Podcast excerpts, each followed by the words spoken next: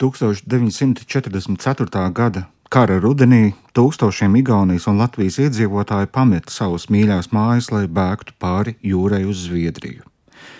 Bēgļu laivās bija arī daudz bērnu. Viņu rotaļas pēkšņi aprāvās, jo bija jādodas bīstamā ceļojumā vētrainajā Baltijas jūrā. Mazā meitenīte Kēte viļņos pazaudēja savu mīļātu pekaini un vēlāk to brīnumainā kārtā atkal atrod. Beidzot, viņas ģimene ierauga Zviedrijas krastus, kur sagaida kakao krūze, utu pirts un ilgas pēc mājām.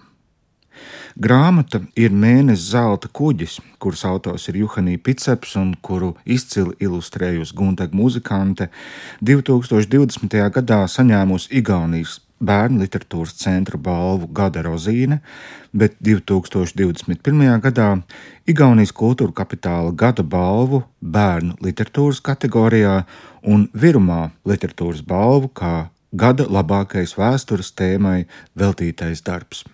Turpina Juhanī Piceps. Actually, this book, or I call this boat book, is uh, uh, born due to my roots, and it is also my family story. Šai grāmatai, kā es viņu pats mēdzu dēvēt, laivas grāmata, bija iespējams tapt pateicoties manām saknēm, manas dzimtes vēsturē. Tas ir sazarots stāsts, proti, mana vectēva divas māsas pazuda bez vēsts 1944. gada septembrī. Tas notika Baltijas jūrā. Viņas centās nokļūt Zviedrijā, un viņām līdzi bija bērni, divus un desmit gadus veci. Visi pazuda bez vēsts. Kā jau raksta savā grāmatā, laiva bija neliela, cilvēku pārpildīta un uznāca spēcīga vētra, kā arī Krievijas armijas aviācijas uzlidojums. Tā nu mūsu ģimenē šis stāsts ir palicis ar jautājumu zīmi. Mēs nezinām, kas ar vectētiņu māsām un bērniem notika. Bet vairākus gadus mani vecākie radinieki man itin bieži piekodināja: Juhani, tev ir jāuzraksta šis stāsts grāmatā. Mans kā rakstnieka fundaments ir septiņi gadi, kur aizvadīti reportieru darbā divos lielākajos Igaunijas laikrakstos. Pateicoties savam darbam, man bija iespēja apmeklēt Gotlandi, kas bija viens no mērķiem gan manas grāmatas kontekstā, gan skumīgajā stāstā par maniem pazudušajiem radiniekiem. Tā bija ļoti vērtīga pieredze. Es daudz uzzināju par Baltijas valstu bēgļu gaitām, kad cilvēkiem Gotlanda bija kā pirmais, vissvarīgākais pieturas punkts cerībā uz normālu dzīvi. Iepazinos arī ar vienu sirmu kundzi, kur palīdzēja bēgļiem 44. gadā, kad viņi izcēlās ar laivām, pārcietuši grūti jūras braucienu, kur iznākums nebūtu nebija akmenī iecirsts. Juhanī grāmatas lielākā vērtība ir stāstījuma skaidrība, konkrētība un nesamākslotība. Vai šo efektu bija iespējams panākt pateicoties žurnālista darba pieredzē? I agree with you. Jā, es domāju, ka mana pieredze strādājot laikrakstā ļoti palīdzēja saprast to, kā strādā valoda un kā sevi izteikt tās ierāmējumā pēc iespējas precīzāk.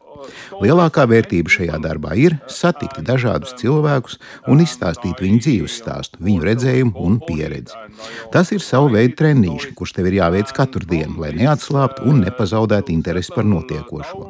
Šajā ziņā man ļoti palīdzēja darba iespējas Zviedrijā, Stokholmā, laikrakstā, kurš bija veidots turienes igauņu kopienai. Šajā darbības posmā es aicināju cilvēkus, kur 1944. gadā palīdzēja bēgļiem vai paši devās bēgļu gaitā gaitās, un es biju ļoti pacelāts par šo cilvēku atsaucību. Man ir bijušas gan garas telefona sarunas, gan saraksts vēstuļu formātā, gan tikšanās klātienē ar tiem cilvēkiem, kuri pieredzēja otrā pasaules kara atstātās sekas. Uh, that, uh, I was uh, every day writing newspaper. Kāda nozīme ir tam, ka Juhanī savu rakstnieka dzīvi vada laukos? Cik zinu no viņa stāstiem, pavisam idylliskā vidē my uh, grandparents from South Estonia and uh, from villages and uh, Mani vecvecāki nāk no Igaunijas dienvidiem, un viena no manām vecmāmiņām ir dzimusi Latvijā. Viņas vārds bija Ilze, un viņa dzīvoja Rujienas pusē. Bērnībā es vairākas vasaras pavadīju vecmāmiņas mājās. Tā bija īsta lauku dzīve ar govīm, jēriem un vistām, gulēšanu pļavā un peldēšanos tuvējās upēs. Tādēļ atgriešanās pilsētā un skolas solā man vienmēr bija ļoti grūta un nepatīkama pieredze. Tad es arī nolēmu, ka darīšu visu, lai savā, kā pieaugušu cilvēku dzīvē, man nebūtu jāpamet lauki, ka tā ir vieta, kurā es vislabāk varu realizēt savas spējas un prasmes, arī kā rakstnieks. Šim mērķim man vajadzēja apmēram 20 gadus, taču tas ir izdevies. Es dzīvoju savu vectēlu vasaras mājā, kur esmu labi iekārtojis, uzbūvējis papildus stāvu, lai dzīvošana būtu ērtāka. Šeit, kad es paskatos pa logu, es redzu zaļus kokus un zilas debesis, un tieši tas man palīdz rakstīt, stāstīt savus stāstus.